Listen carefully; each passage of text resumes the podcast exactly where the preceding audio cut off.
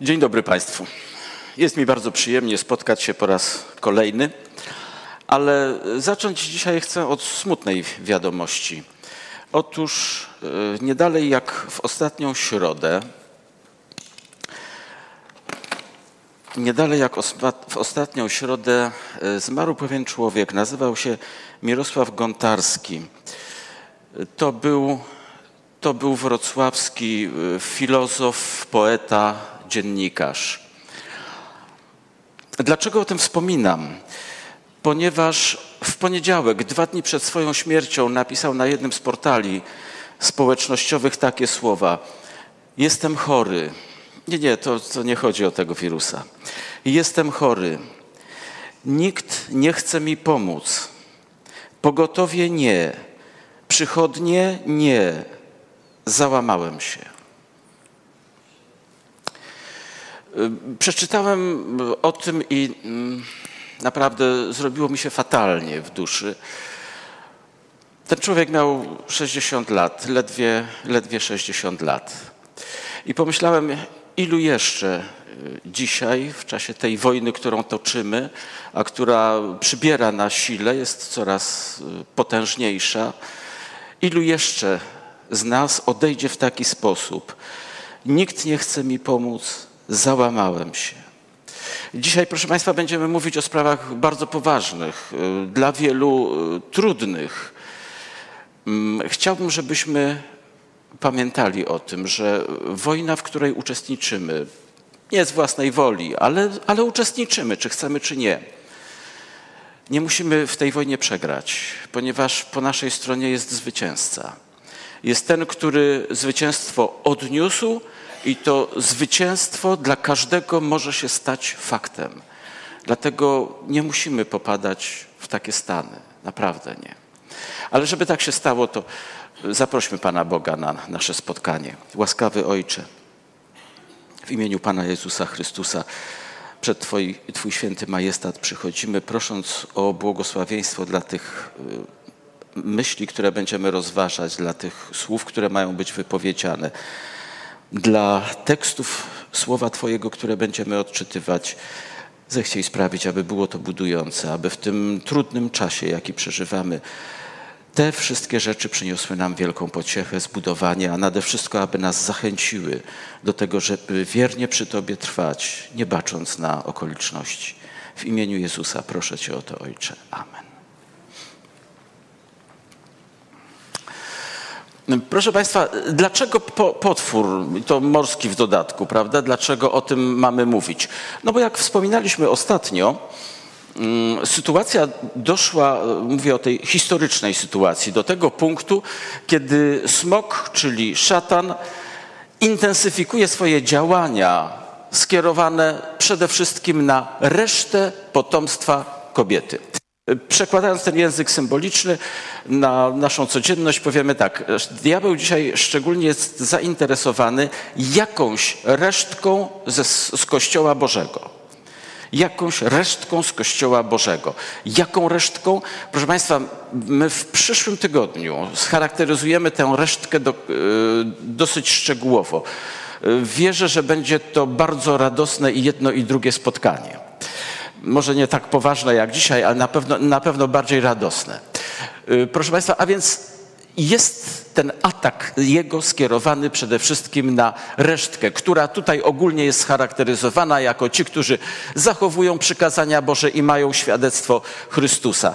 No i stanął diabeł na piaszczystym brzegu prawda, na brzegu morza i co on tutaj robi? Ano przywołuje z tego morza teraz jedną z tych dwóch potęg, które powołuje jako swoje specjalne agendy do walki właśnie z resztką. Cały okres średniowiecza wykazał, że prześladowania, no one są fajne z punktu widzenia diabelskiego, bo tam wielu można zniszczyć. Ale co z tego, jak się nowi rodzą, prawda? I to nie chodzi o te fizyczne narodziny, ale o te duchowe. Że im więcej krwi męczeńskiej zostaje wylany, wylanej, to tym większy jest potem duchowy posiew. Tym więcej innych przychodzi, staje i mówi, a teraz my będziemy dalej szli z Bogiem. Wobec tego diabeł zmienia strategię teraz i powołuje dwie potęgi, przy pomocy których będzie realizował przede wszystkim program zwiedzenia. To nie znaczy, że od y, prześladowań odstępuje zupełnie. Nie, nie. Ten czas jeszcze wróci. Ale w tej chwili my żyjemy przede wszystkim w okresie, w okresie zwiedzeń. No i wyłazi ten pierwszy potwór i jak czytamy, Jan pisze, widziałem zwierzę wychodzące z morza, mające siedem głów i dziesięć rogów, a na jego rogach było dziesięć koron, a na jego głowach imię bluźnierstwa. A zwierzę to, które widziałem, podobne było do pantery, a jego nogi jak niedźwiedzie, a jego paszcza jak paszcza lwa. No, Wygląda to okropnie, nie tylko na tym obrazku, ale i na tym opisie, prawda? Jakiś konglomerat taki superchimeryczny. No, my go dobrze znamy. Mówię, my, którzy troszkę sięgamy głębiej do Pisma Świętego, ponieważ te zwierzaki występują w proroctwie Daniela, prawda, w siódmym rozdziale. Jest tam mowa i o lwie, i o niedźwiedziu, o panterze czteroskrzydłej, no i o jakiejś czwartej potwornej bestii. I elementy tych zwierząt są właśnie tutaj zawarte, w tym zwierzęciu, w tej bestii, którą diabeł powołuje teraz do szczególne, szczególnego zadania, do walki z resztką, z tego, co zostało jeszcze zdrowego, zdrowego chrześcijaństwa. Z resztką, która jeszcze tak wierzy, jak wierzył Jezus. I ukazał się drugi znak na niebie, oto wielki rudy smok mający siedem głów i dziesięć rogów, a na jego głowach siedem koron. Przywołuję ten y, tekst z poprzedniego wykładu, abyśmy zobaczyli, że ten konglomerat tam głów, rogów, prawda, charakterystyczny był nie tylko dla tej bestii, która teraz z morza wyłazi, ale sam smok w podobny sposób wyglądał. A kiedy znów sięgnęlibyśmy do siódmego rozdziału Księgi Daniela, to tam też czytamy o pewnej bestii, która miała dziesięć rogów, prawda? A dziesięć rogów oznacza, że z tego królestwa powstanie dziesięciu królów. O proszę, od razu mamy wyjaśnienie znaczenia symboli, które tutaj są używane. A więc widzimy, że mm, podobne elementy znajdziemy i w obrazie smoka, czyli szatana, i w obrazie tej bestii z księgi Daniela, i w obrazie tej bestii, która teraz wyłazi z morza. Może jeszcze słowo na temat koron, bo czytaliśmy, że na głowach siedem koron, prawda? U tego wielkiego smoka, u szatana. Teraz czytamy, że zwierzę wychodzące z morza ma siedem głów, dziesięć rogów, a na jego rogach było dziesięć koron. Oho, ho. A w dodatku jeszcze na jego głowach imię bluźnierstwa. A więc są wspólne elementy, które charakteryzują te y, formy, które tutaj się pojawiają. Przy czym, no tak na marginesie, korona koronie nierówna, ponieważ te korony, które przybrał smok, te korony, w które przybrane jest zwierzę, to są korony tego typu. To określane greckim terminem diadema. To taka korona władcy, monarchy, który trzyma mocną ręką e, całe państwo. Natomiast ta korona, w której ukazany jest również i Chrystus w księdze, w księdze objawienia, e, korona obiecana zwycięzcy, to diadema, to, przepraszam, Stefanos. To jest wieniec laurowy. To jest ten, który się otrzymuje po trudach po trudach, kiedy się zwycięży w zawodach. O, to takimi wieńcami byli zwycięzcy honorowani. E, Chrystus, Chrystus otrzymuje tę pierwszą koronę diadema dopiero wtedy, kiedy w XIX rozdziale Księgi Objawienia przedstawiony jest jako ten powracający, powracający na ziemię. Niebo otwarte, biały koń, a ten, który na nim siedział, nazywał się wierny i prawdziwy. Jego oczy były jak płomień ognia, a na jego głowie wiele koron. Właśnie tych koron monarszych. Ale to dopiero wtedy, kiedy już pełnia sukcesu, pełnia zwycięstwa jest odniesiona. Ale to pewien szczegół. To może skoro tak sobie analizujemy, to jeszcze jeden szczegół dorzucimy, mianowicie ten y, rudy smok na głowach miał siedem koron. Natomiast kiedy patrzymy na to zwierzę, prawda, na to monstrum, to na jego rogach było dziesięć koron. To, to tak jakby korony zrobiły pewien marsz, prawda? pewne przesunięcie z głów na rogi. No, świadczyłoby to o tym, że przesunęliśmy się troszkę w czasie pomiędzy 12 a 13 rozdziałem, co się zgadza z całym kontekstem, który omawiamy w tej chwili, prawda? I rzeczywiście ten czas wielkich prześladowań, głównie średniowiecznych, się skończył, a w tej chwili już jesteśmy w finale czasów, 13 rozdział, w finale, prawda? I te korony u bestii już są na rogach. Ale ale nas interesują bardziej inne rzeczy. Bowiem jak czytamy, dał mu smok, temu zwierzęciu, swoją moc i swój tron i wielką władzę. I widziałem jedną z jego głów, jakby śmierć zabitą, a jego śmiertelna rana była uleczona. Kiedy to czytamy, to od razu, od razu się, przy, przychodzi na myśl pewna analogia. Bowiem y, czytamy w Ewangelii Jana słowa Pana Jezusa, który mówi: Jak ojciec ma życie sam w sobie, tak dał i synowi, aby miał życie sam w sobie. I dał mu moc sądzenia, bo jest synem człowieka. Więc mamy wyraźny pewien wspólny element. Tu jest pewna sukcesja, pewne przekazanie mocy, uprawnień, prawda? Smok, czyli diabeł, deleguje tą bestię do wykonania określonego zadania i wyposaża ją odpowiednio. Tak było z Chrystusem. Ojciec delegował swoje uprawnienia na Chrystusa tutaj na ziemi, dał mu moc sądzenia, bo jest synem człowieczym. Proszę bardzo.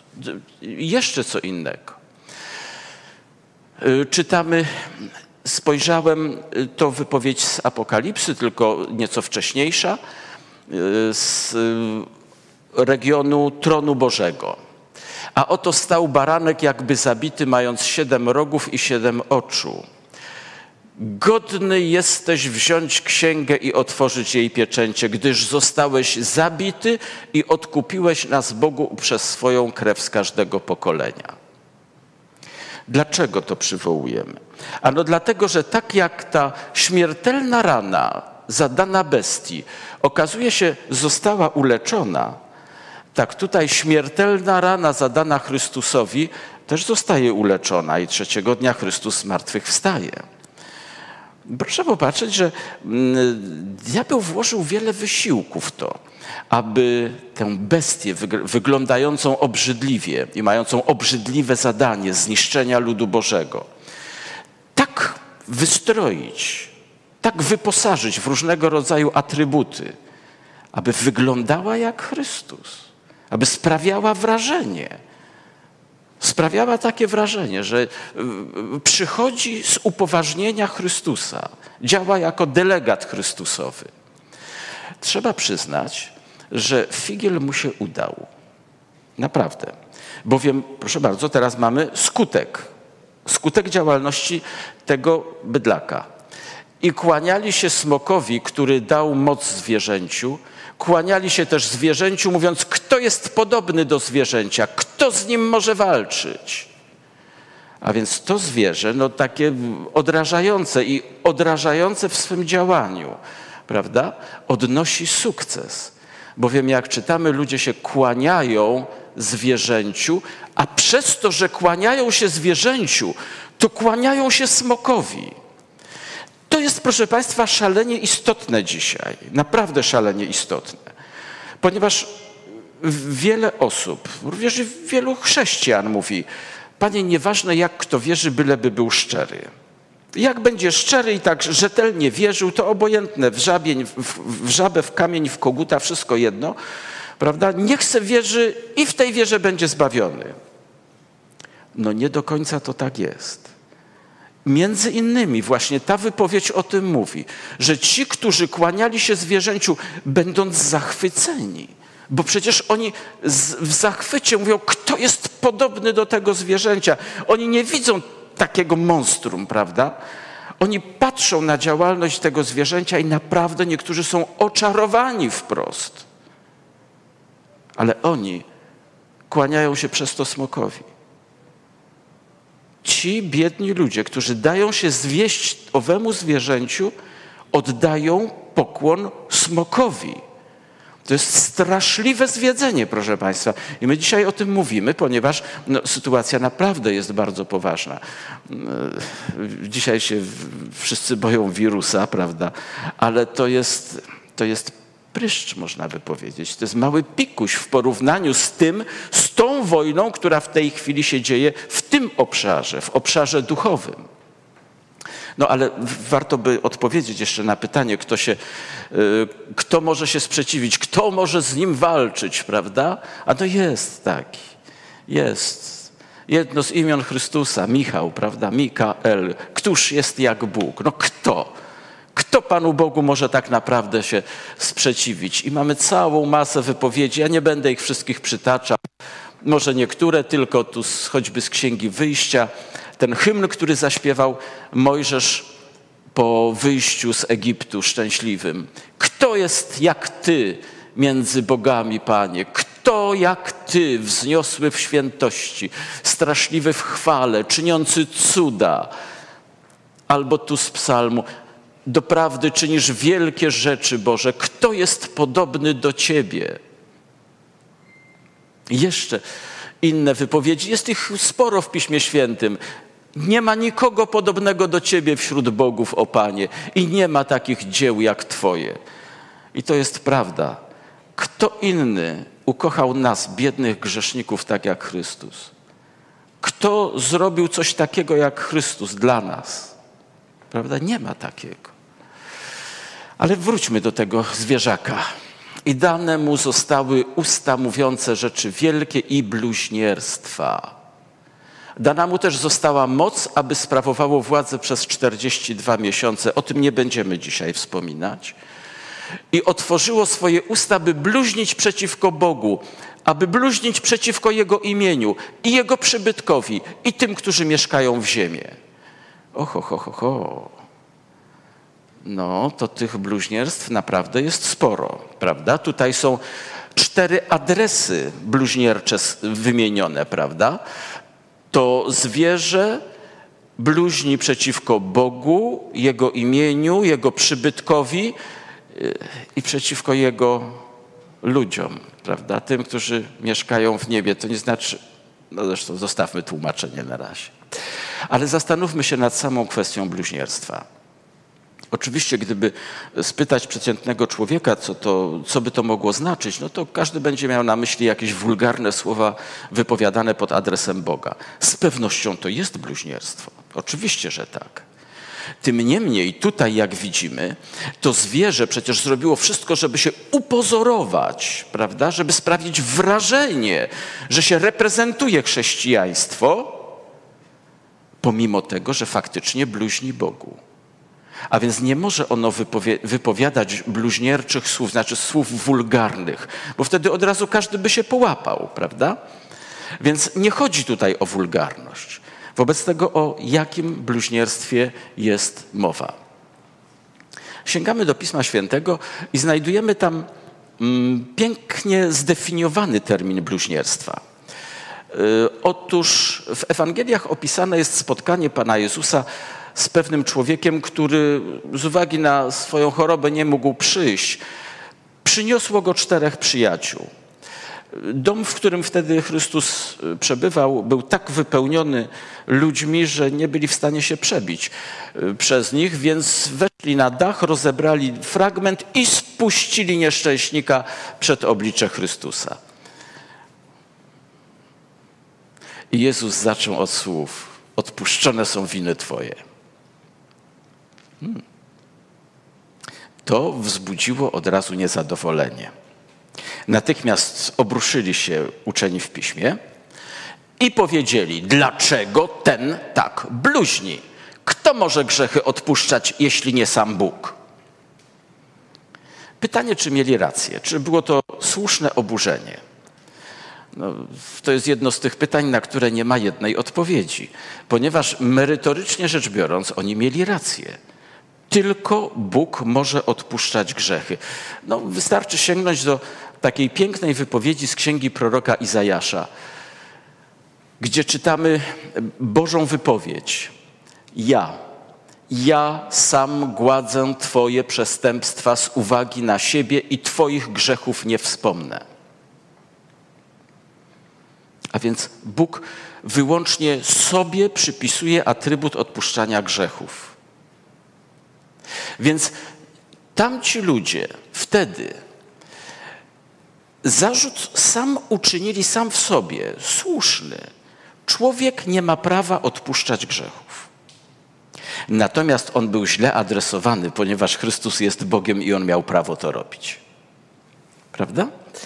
Ale widzimy od razu w tej sytuacji, że mamy tutaj już zdefiniowany termin bluźnierstwa. Prawda? Zdefiniowany termin bluźnierstwa. Mało tego, możemy odwołać się jeszcze do innej y, sytuacji. Gdybyśmy otworzyli dziesiąty rozdział Ewangelii Jana, to tam znajdziemy y, znów y, zarzut, który się pojawia pod adresem Chrystusa. To nawet jest sytuacja, która grozi śmiercią. I Chrystus, który pyta, za co wy mnie chcecie kamienować? Słyszy odpowiedź. Nie kamienujemy cię za dobry czyn, ale za bluźnierstwo. To jest, że ty, będąc człowiekiem, czynisz siebie Bogiem. I znów, merytorycznie, bluźnierstwo jest dobrze zdefiniowane. Jeśli człowiek czyni siebie Bogiem, to jest to ewidentne bluźnierstwo. No ale zarzut jest źle skierowany, bo Chrystus jest Bogiem. Proszę Państwa, dlaczego my o tym mówimy? Ponieważ y, no, łatwiej nam będzie, jeśli ustalimy, zdefiniujemy pewne pojęcia, to łatwiej nam będzie dzisiaj zastosować je i zorientować się tak naprawdę, na czym polega to dzisiaj to bluźnierstwo y, owego zwierzęcia czy bestii, o którym, o którym czytamy w Księdze Objawienia. Ja chciałbym przywołać pewną wypowiedź nieżyjącego już prymasa Wyszyńskiego. Y, wypowiedź pochodzi z roku 57, kiedy to przemawiając do alumnów wyświęcanych już wtedy, alumnów seminarium w Ołtarzewie, prymas zwrócił się do nich między innymi z takimi słowami. Otrzymaliście w tej chwili straszliwą władzę. To jest władza nie tylko nad szatanami, nie tylko nad znakami sakramentalnymi, ale przede wszystkim nad samym Bogiem. Jesteście przecież spirituales imperatores, a jako tacy macie władzę rozkazywać nawet samemu Bogu. On tego zapragnął, on tego od was chciał. Będziecie mu rozkazywać, gdy na wasze słowa zstępować będzie na ołtarze Bóg żywy. Kapłan jest drugim Chrystusem.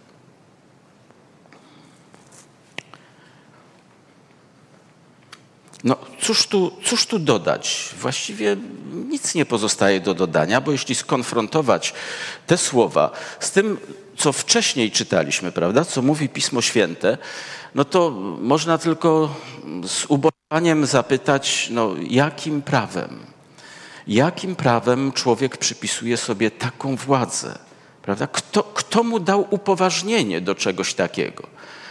No, weźmy fragment choćby z listu do Hebrajczyków. Czytamy, że Chrystus wszedł do samego nieba, aby się teraz wstawiał za nami przed obliczem Bożym.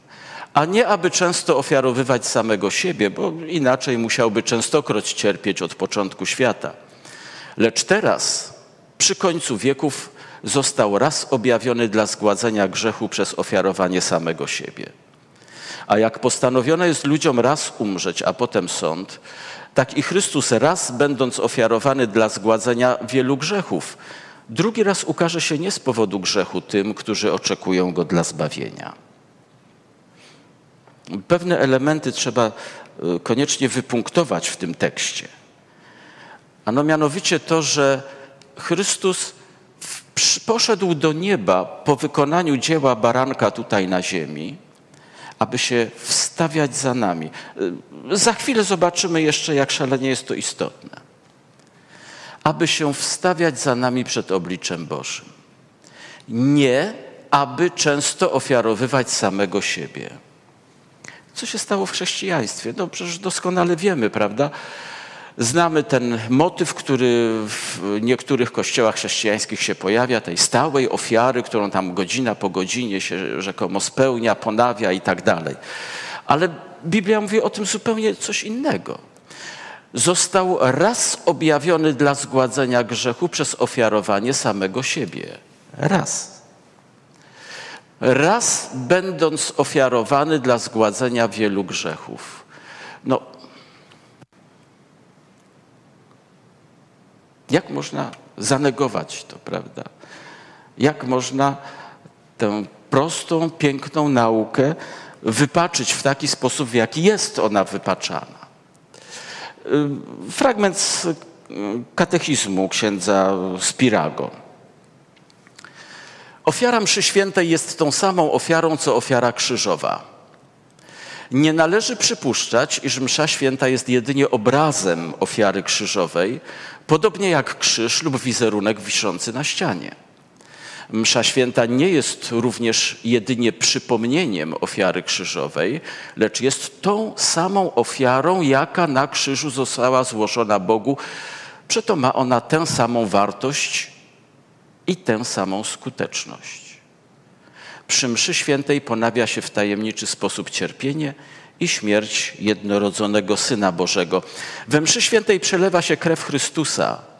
Na stole świętym leży zabity Chrystus. Aż no, chciałoby się zapytać, a kto go zabił po raz kolejny? Bo my czytamy o tym, że on raz poniósł śmierć, a teraz jest żywy w niebie i wstawia się za nami. Więc kto dopuścił się czegoś takiego? No ale to zostawmy.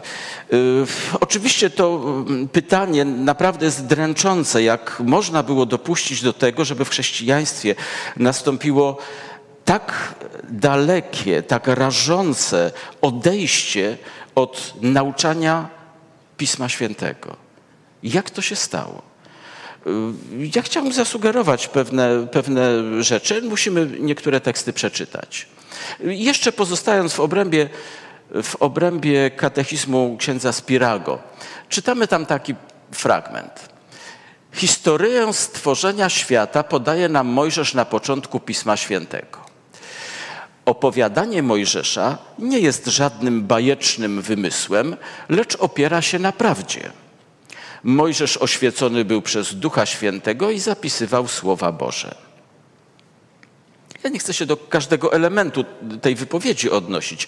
W każdym razie wyraźnie mamy tutaj y, poświadczenie autora, że to, co jest napisane w mojżeszowych księgach, jest wiarygodne. A więc i pierwszych 11 rozdziałów to jest treść wiarygodna, prawda? To nie są jakieś bajki, mity, tak jak dzisiaj zdecydowana większość chrześcijan wierzy.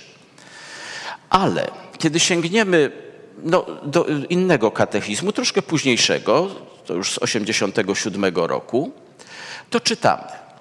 W poemacie o stworzeniu Bóg nie mówi nam o tym, że stwarzał świat przez sześć dni, ani w jakiej kolejności, kiedy i w jaki sposób pojawiały się gwiazdy, ziemia, rośliny, zwierzęta i tym podobne. Człowiek sam może odkryć to z biegiem czasu i tym właśnie zajmują się uczeni. No i uczeni się zajęli tak, że dzisiaj zdecydowana większość chrześcijan wierzy, że pochodzi od małpy. Katastrofa, prawda? Katastrofa. Dziecko Boże, człowiek, który wyszedł z rąk Bożych, idzie do zoo i mówi do szympansa tato. No przecież to, to jest naprawdę katastrofa. Ale y, widzimy, co się dzieje, prawda? Mija kilkadziesiąt lat pomiędzy jedną a drugą wersją i już jest zmiana poglądu. Prawda? Tutaj jeszcze się uważało, y, to y, początek XX wieku, tu się uważało, że tak, to co Mojżesz napisał jest wiarygodne, a tu się kończy XX wiek i mówi się, nie, to bajki, to absolutnie nie. Bóg mówi, że stwarzał w sześć dni? Nie, gdzie tam, prawda? Wprost potrafi się negować Słowo Boże. Więc jeśli jest takie podejście do tekstu, to tak naprawdę wszystko można zrobić. Absolutnie wszystko. Co na to Słowo Boże? Co na to Pan Jezus? Ano Pan Jezus powiedział w pewnym miejscu do tych, którzy uważani byli za uczonych wielce. Badacie pisma, bo wam się zdaje, że w nich macie życie wieczne. A one świadczą o mnie, ale do mnie przyjść nie chcecie, aby mieć życie. Chrystus nie powiedział, że to są bajki, że to mity jakieś. Albo że no tak napisali, żeby człowiekowi osłodzić życie, jak mu jest ciężko. No to sobie wtedy tam poczyta trochę i mu się lepiej na duszy zrobi. Chrystus powiedział, to inny fragment, czy nie czytaliście, że ten, który na początku stworzył człowieka, stworzył ich jako mężczyznę i kobietę?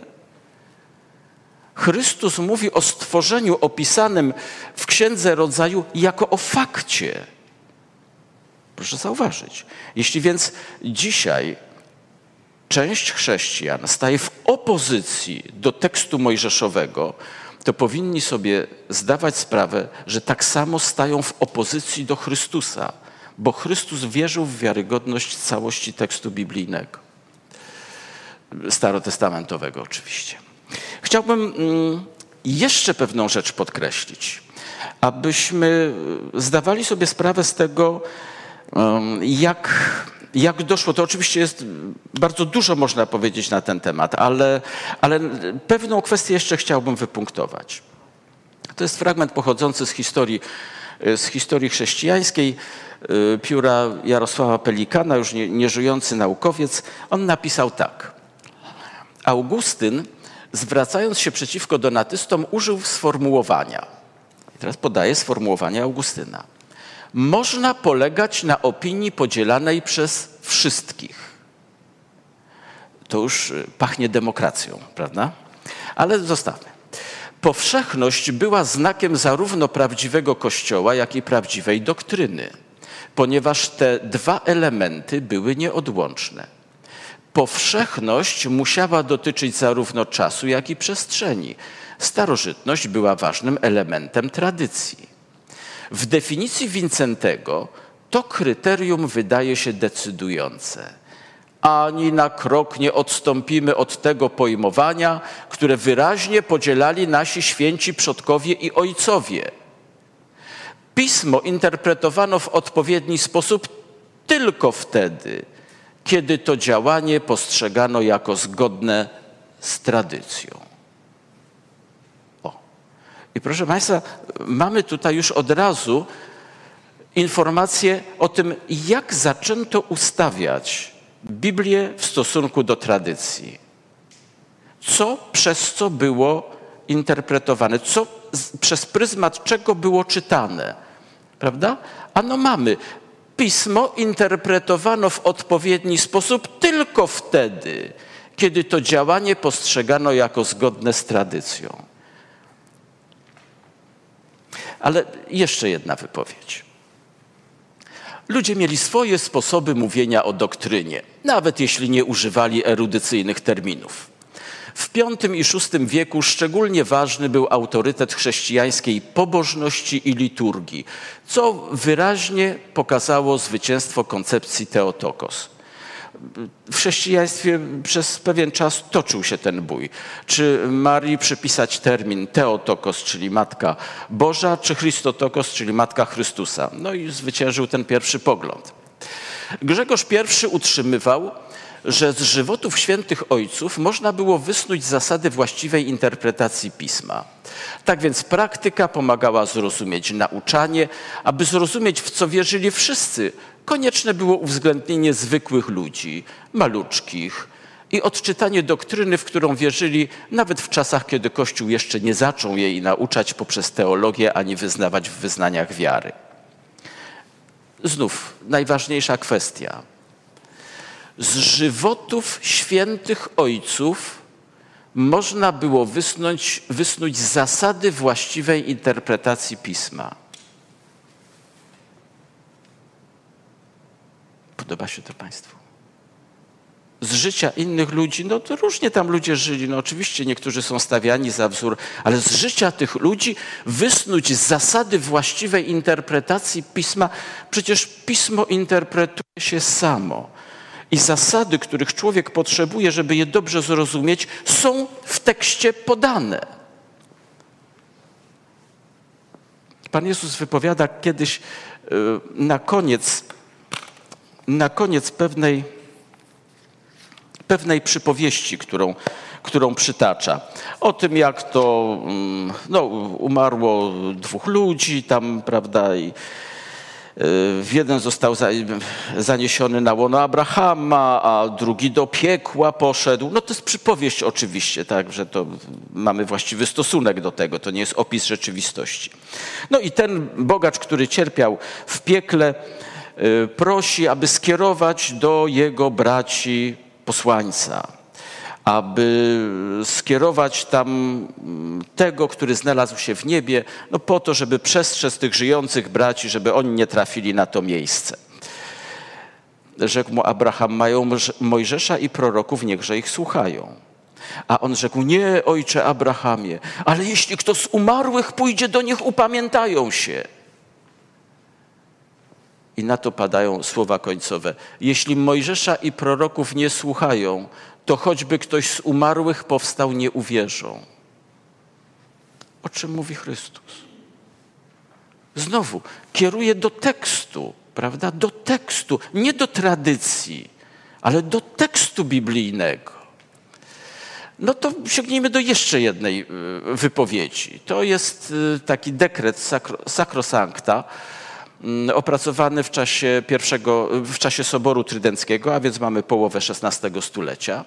I tam czytamy.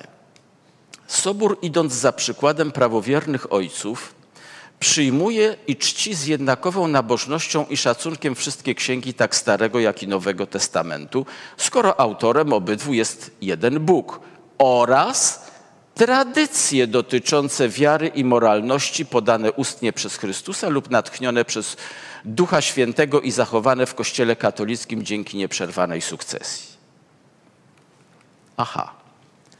Czyli Sobór przyjmuje, czci księgi Starego Nowego Testamentu oraz tradycje. Oraz tradycje. Dobrze. Chrystus powiedział tak: Na próżno mi cześć oddają, głosząc nauki i ustawy ludzkie. A przecież no, w niejednym miejscu tradycja ewidentnie rozmija się z nauczaniem Chrystusowym. Ale było powiedziane, że jednak tradycja, przez pryzmat tradycji odczytuje się tekst biblijny. Ktoś mógłby powiedzieć, ach, to dawno było, może zmienili zdanie. Nie, zmienili. Niestety nie. Y, oto konstytucja, fragment konstytucji dogmatycznej Dei Filius z czasu pierwszego Soboru Watykańskiego, a więc rok 1870. I tu czytamy. Odnawiamy tenże dekret Soboru Trydenckiego, poprzedni fragment, i oświadczamy, że to jest jego celem, aby w zagadnieniach wiary i moralności wchodzących w skład doktryny chrześcijańskiej uważać ten sens Pisma Świętego za prawdziwy, który utrzymywała i utrzymuje święta Matka Kościół, którego zadaniem jest osądzać o prawdziwym znaczeniu i tłumaczeniu Pism Świętych. Dlatego nikomu nie wolno tłumaczyć Pisma Świętego wbrew temu znaczeniu, ani wbrew powszechnej zgodzie ojców. Co na to Chrystus? Przychodzi człowiek do niego i pyta go o zbawienie. Nauczycielu, co mam czynić, aby odziedziczyć życie wieczne? A Chrystus mu odpowiada: A co napisano w prawie? Jak czytasz? Ten człowiek zapytał o najważniejszą rzecz na świecie dla każdego człowieka, a więc kwestia życia wiecznego.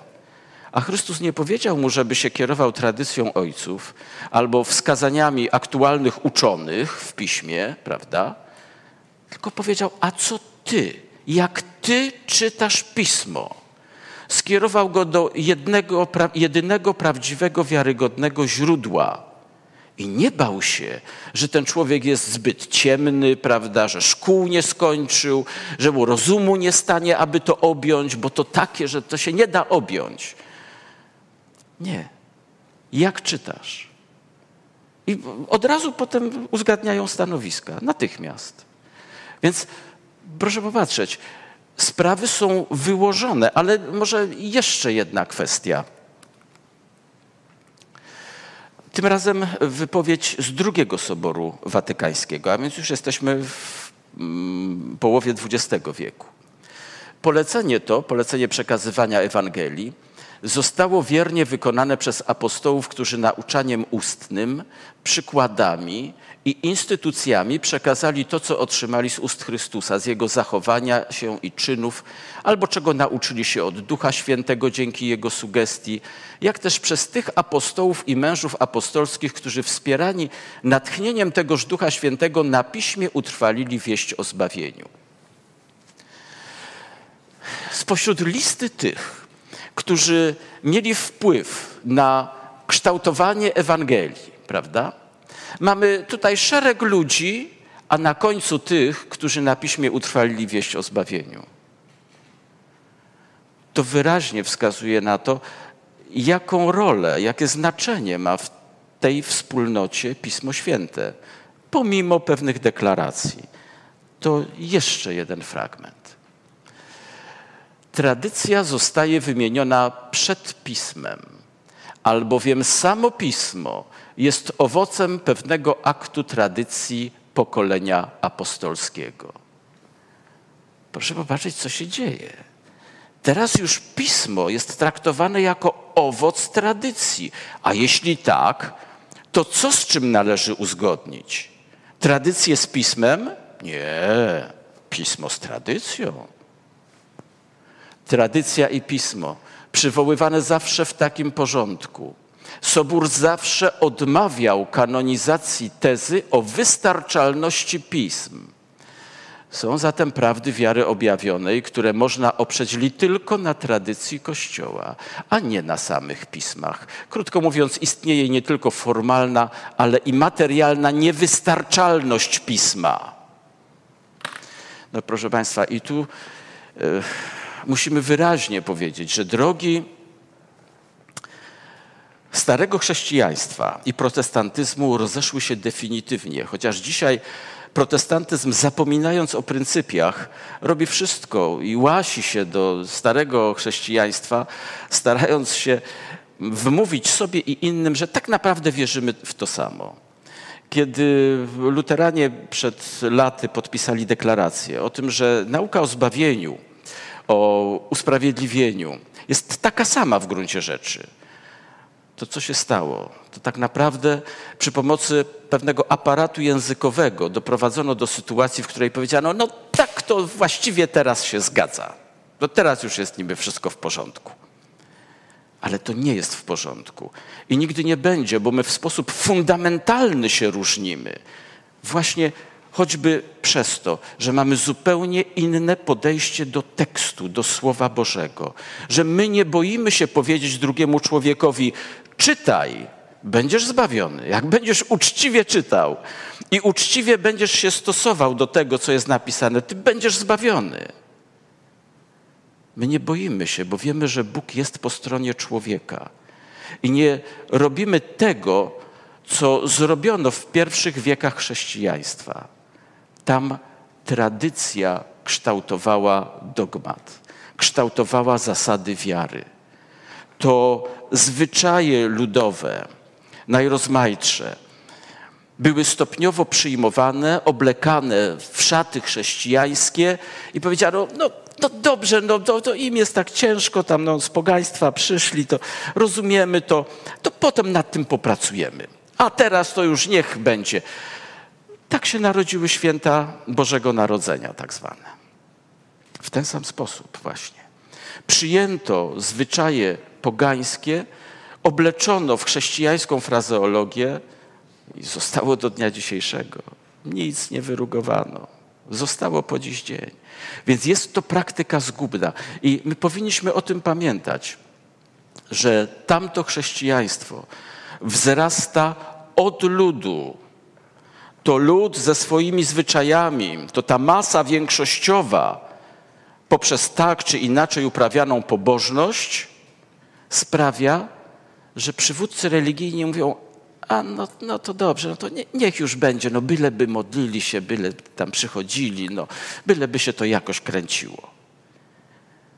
Kiedy przyszła reformacja, to przewróciła wszystko do góry nogami. Chwała Bogu za to. Przewróciła również i ten pogląd i powiedziała: Nie, to nie to, co nam się wydaje, co lubimy, do czego przywykliśmy, to, co pismo mówi, do tego wracamy. I to będziemy przewracać w samych sobie. Bogu dzięki za ten przewrót. Ale y, musimy jeszcze o jednej kwestii wspomnieć. Koniecznie.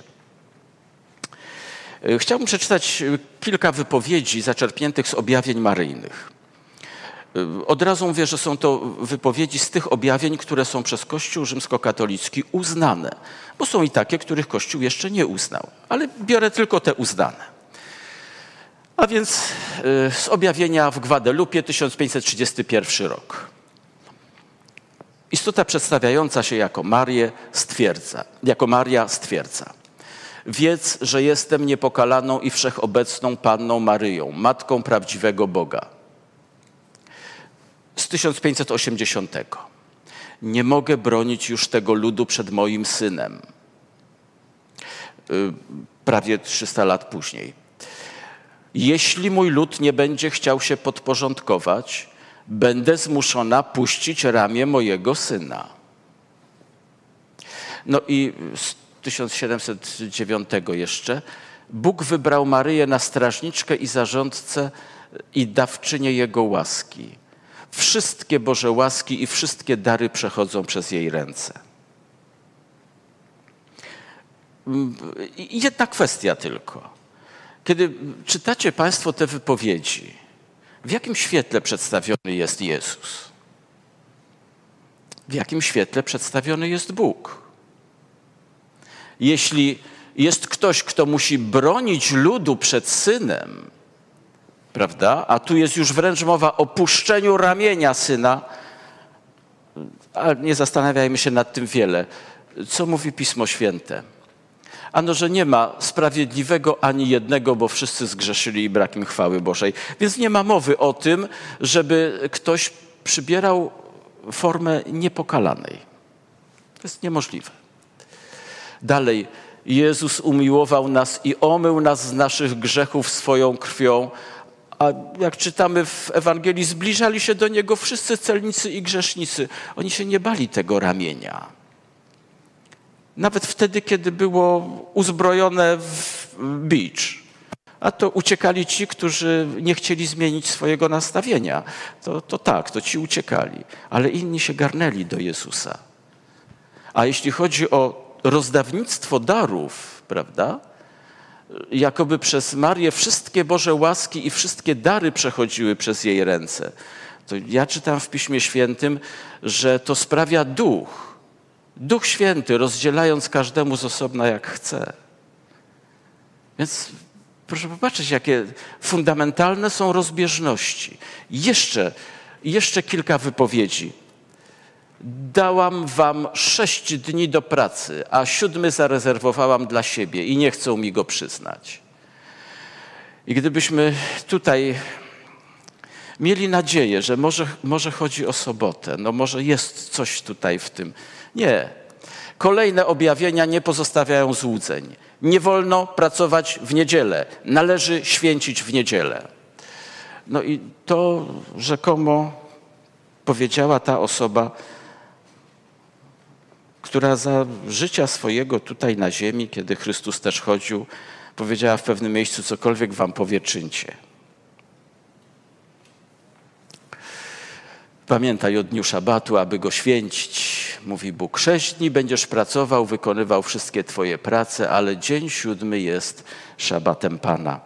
I to przykazanie umieszczone jest jako czwarte w oryginalnej wersji dekalogu, który znajduje się w Piśmie Świętym. Kiedy więc czytamy, raz jeszcze wracając do tego pytania charakteryzującego bestię wychodzącą z morza, kto może z nim walczyć, z tym zwierzęciem, któremu dane zostały usta mówiące rzeczy wielkie i bluźnierstwa? Kto może walczyć z potęgą, która e, nieomal cały świat obejmuje? Z potęgą, która o, w tej chwili wydaje się być w odwrocie, ale proszę Państwa, nie ulegajmy złudzeniom. Nie ulegajmy złudzeniom, ponieważ jak czytamy otworzyło swoje usta, by bluźnić przeciwko Bogu, imieniu, przybytkowi i tym, którzy mieszkają w niebie. A to jest potęga, która, jeszcze raz wracamy do tej myśli poprzedniej, wzbudza zachwyt. To nie jest byle co. No ale jest taki jeden, który potrafi zwalczyć wszystko, prawda? To ten Michał. Ale do tego jeszcze, do tego jeszcze dojdziemy. Y, bluźnierstwo przeciwko Bogu no, scharakteryzowaliśmy pokrótce. Bluźnić przeciwko Jego imieniu, przeciwko Bożemu charakterowi, prawda? Przeciwko Bogu, który jest miłością. A to już wystarczyło przeczytać te poprzednie teksty, prawda? które mówiły o tym surowym ramieniu Chrystusowym, które musi być powstrzymywane, bo jak nie, to już by nam tam kęsim zrobiło, prawda? A no to imię Boże, ta miłość Boża charakteryzowana jest nie gdzie indziej, jak właśnie w dekalogu. Ja tutaj cały tekst wypisałem, ale nie będę go czytał. Znajdziecie go Państwo w Piśmie Świętym bez problemu. Natomiast zwrócę uwagę tylko na jedną rzecz, że na tekście dekalogu, a więc jako obraz, obrazie miłości Bożej, dopuszczono się straszliwej rzeczy – bowiem ten tekst został zmasakrowany. Po prostu zmasakrowany. Ja podam tylko trzy elementy, ale jest więcej ich tutaj. Mianowicie wykreślono drugie przykazanie, zupełnie je skasowano. Oczywiście mówi się, że ono zostało włączone w obręb pierwszego. Nie będziesz miał bogów innych przede mną. Ale z tekstu pierwszego wcale nie wynika, że Bóg sobie nie życzy, aby oddawać mu cześć w formie odwzorowań, aby oddawać cześć odwzorowaniom. To absolutnie nie wynika z tego. A nawet jakby wynikało, to ta cześć figurkom, obrazom i tak powszechnie jest oddawana w chrześcijaństwie. Dalej, co jeszcze zrobiono? Ano, zmieniono kompletnie tekst właśnie czwartego przykazania, które nakazuje święcenie dnia sobotniego na pamiątkę stworzenia i wprowadzono enigmatyczny nakaz: pamiętaj, abyś Dzień Święty święcił. Tak nawiasem mówiąc, y, nawiasem mówiąc nie wskazując w ogóle, który to jest ten Dzień Święty. No i ponieważ na skutek tych zabiegów kompletnej likwidacji drugiego przykazania okazało się, że z dziesiątki zrobiła się dziewiątka, no to trzeba było bo tak dziewiątka, my nie jesteśmy przyzwyczajeni do dziewiątki, traktujemy to jako coś niepełnego, no więc tam rozdzielono dziesiątkę i wobec tego dokonano zabiegu, który uniemożliwia dzisiaj zgrzeszenie przeciwko dziesiątemu katechizmowemu przykazaniu. Prawda? Bo gdyby ktoś sobie tak postanowił, no ma wolny wieczór i mówi, a to sobie zgrzeszę dzisiaj przeciwko dziesiątemu przykazaniu. No to jak zgrzeszyć przeciwko czemuś takiemu? Ani żadnej rzeczy, która jego jest. Dobrze. Proszę Państwa, tej potędze, jak czytamy, dano walczyć ze świętymi i zwyciężać ich. Ta potęga odnosiła i jeszcze będzie odnosiła sukcesy, ale w tej warstwie materialnej.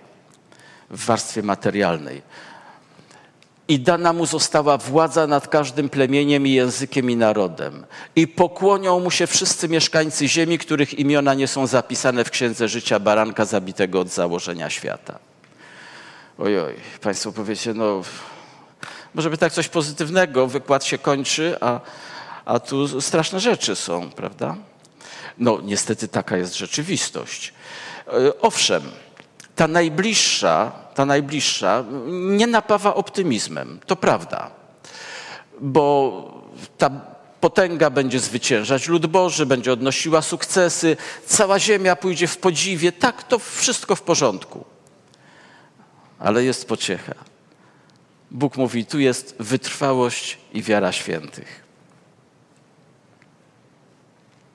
A więc tych, którzy idą drogą świętego tych, którzy nie zapierają się świętego, tych, którzy wierzą w święte Słowo Boże, takich świętych, takich nas, biednych grzeszników, ale zapatrzonych w świętego.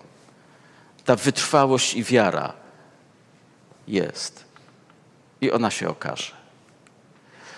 Proszę Państwa, mm, już naprawdę zbliżając się do końca, y, zestawienie przedstawiam. Zestawienie tych cech charakteryzujących ową bestię wychodzącą z morza w porównaniu z Chrystusem. Y, jest tych elementów tutaj szereg. Wspomnę tylko o tej mnogości diademów, prawda? O tym, że tak jak Chrystus odzwierciedlał y, ojca, tak ta bestia odzwierciedla smoka, że przekazanie sukcesji tutaj następuje, prawda? Moc otrzymuje od ojca, a tutaj bestia moc od smoka, że ten element śmierci i powrotu do życia jest też zaznaczony i w jednym, i w drugim przypadku. Yy, no a i również ten cel ogólny, prawda, żeby objąć wszystkie narody. I w jednym, i w drugim przypadku też Chrystus powiedział: idźcie na cały świat i głoście. No więc cóż, proszę Państwa, w podsumowaniu powiemy tak, że czy chcemy, czy nie, to religia oddziałuje na życie całego świata.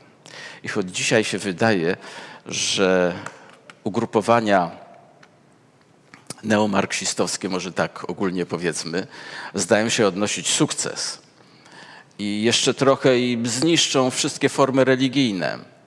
Nie, to tak nie będzie. To tak się dzisiaj wydaje, ale tak nie będzie. Bowiem religia zawsze wywierała wpływ na życie świata i będzie je wywierała do końca. Mało tego, zwiedzenie powoduje pozorne oddawanie czci Bogu, a faktyczne oddawanie czci szatanowi. I proszę Państwa, to naprawdę jest szalenie ważne. Nie można pozostawiać ludzi w niewiedzy, bo oni w tej niewiedzy zginą. Oni przepadną. Trzeba ludziom otwierać oczy, nawet jeśli to jest bolesne otwarcie. Owszem, ale prawda jest zawsze lepsza niż cukierkowe kłamstwo. Dlatego między innymi jest ten wykład dzisiejszy. Bestia wzbudza powszechny zachwyt, tak, to prawda, i y, wabi w najrozmaitszy sposób, ale człowiek nie musi ulec temu zwiedzeniu, prawda? To jest wytrwanie świętych, to się okaże. A więc człowiek nie musi, a lud Boży na pewno nie ulegnie. I chciałbym, proszę Państwa, żebyśmy za tę y, małą objętościowo w dzisiejszym wykładzie, ale naprawdę konkretną i realną, cudowną obietnicę zwycięstwa Panu Bogu podziękowali. Łaskawy nasz Ojcze. Mówiliśmy o sprawach trudnych, być może i bolesnych dla wielu osób, ale mówiliśmy o tym, co jest prawdą, a to jest sprawa fundamentalna, bo to prawda wyswobadza, bo prawda zawsze stawia człowieka na mocnym gruncie. Łaskawy Panie, dziękujemy Ci, że Słowo Twoje jest prawdą i że tam znajdziemy wszystko, co jest nam potrzebne, aby w tym zamęcie, jaki panuje na świecie, znaleźć dobrą drogę do Królestwa Twojego. I dziękujemy Ci, Panie, że Ty nie ustajesz w wysiłkach, aby nas na tę dobrą drogę wprowadzić. A gdy Ci się to uda, to znów podejmujesz wielkie wysiłki, aby nas na tej drodze utrzymać. Bądź za to uwielbiony w imieniu Pana Jezusa Chrystusa. Amen.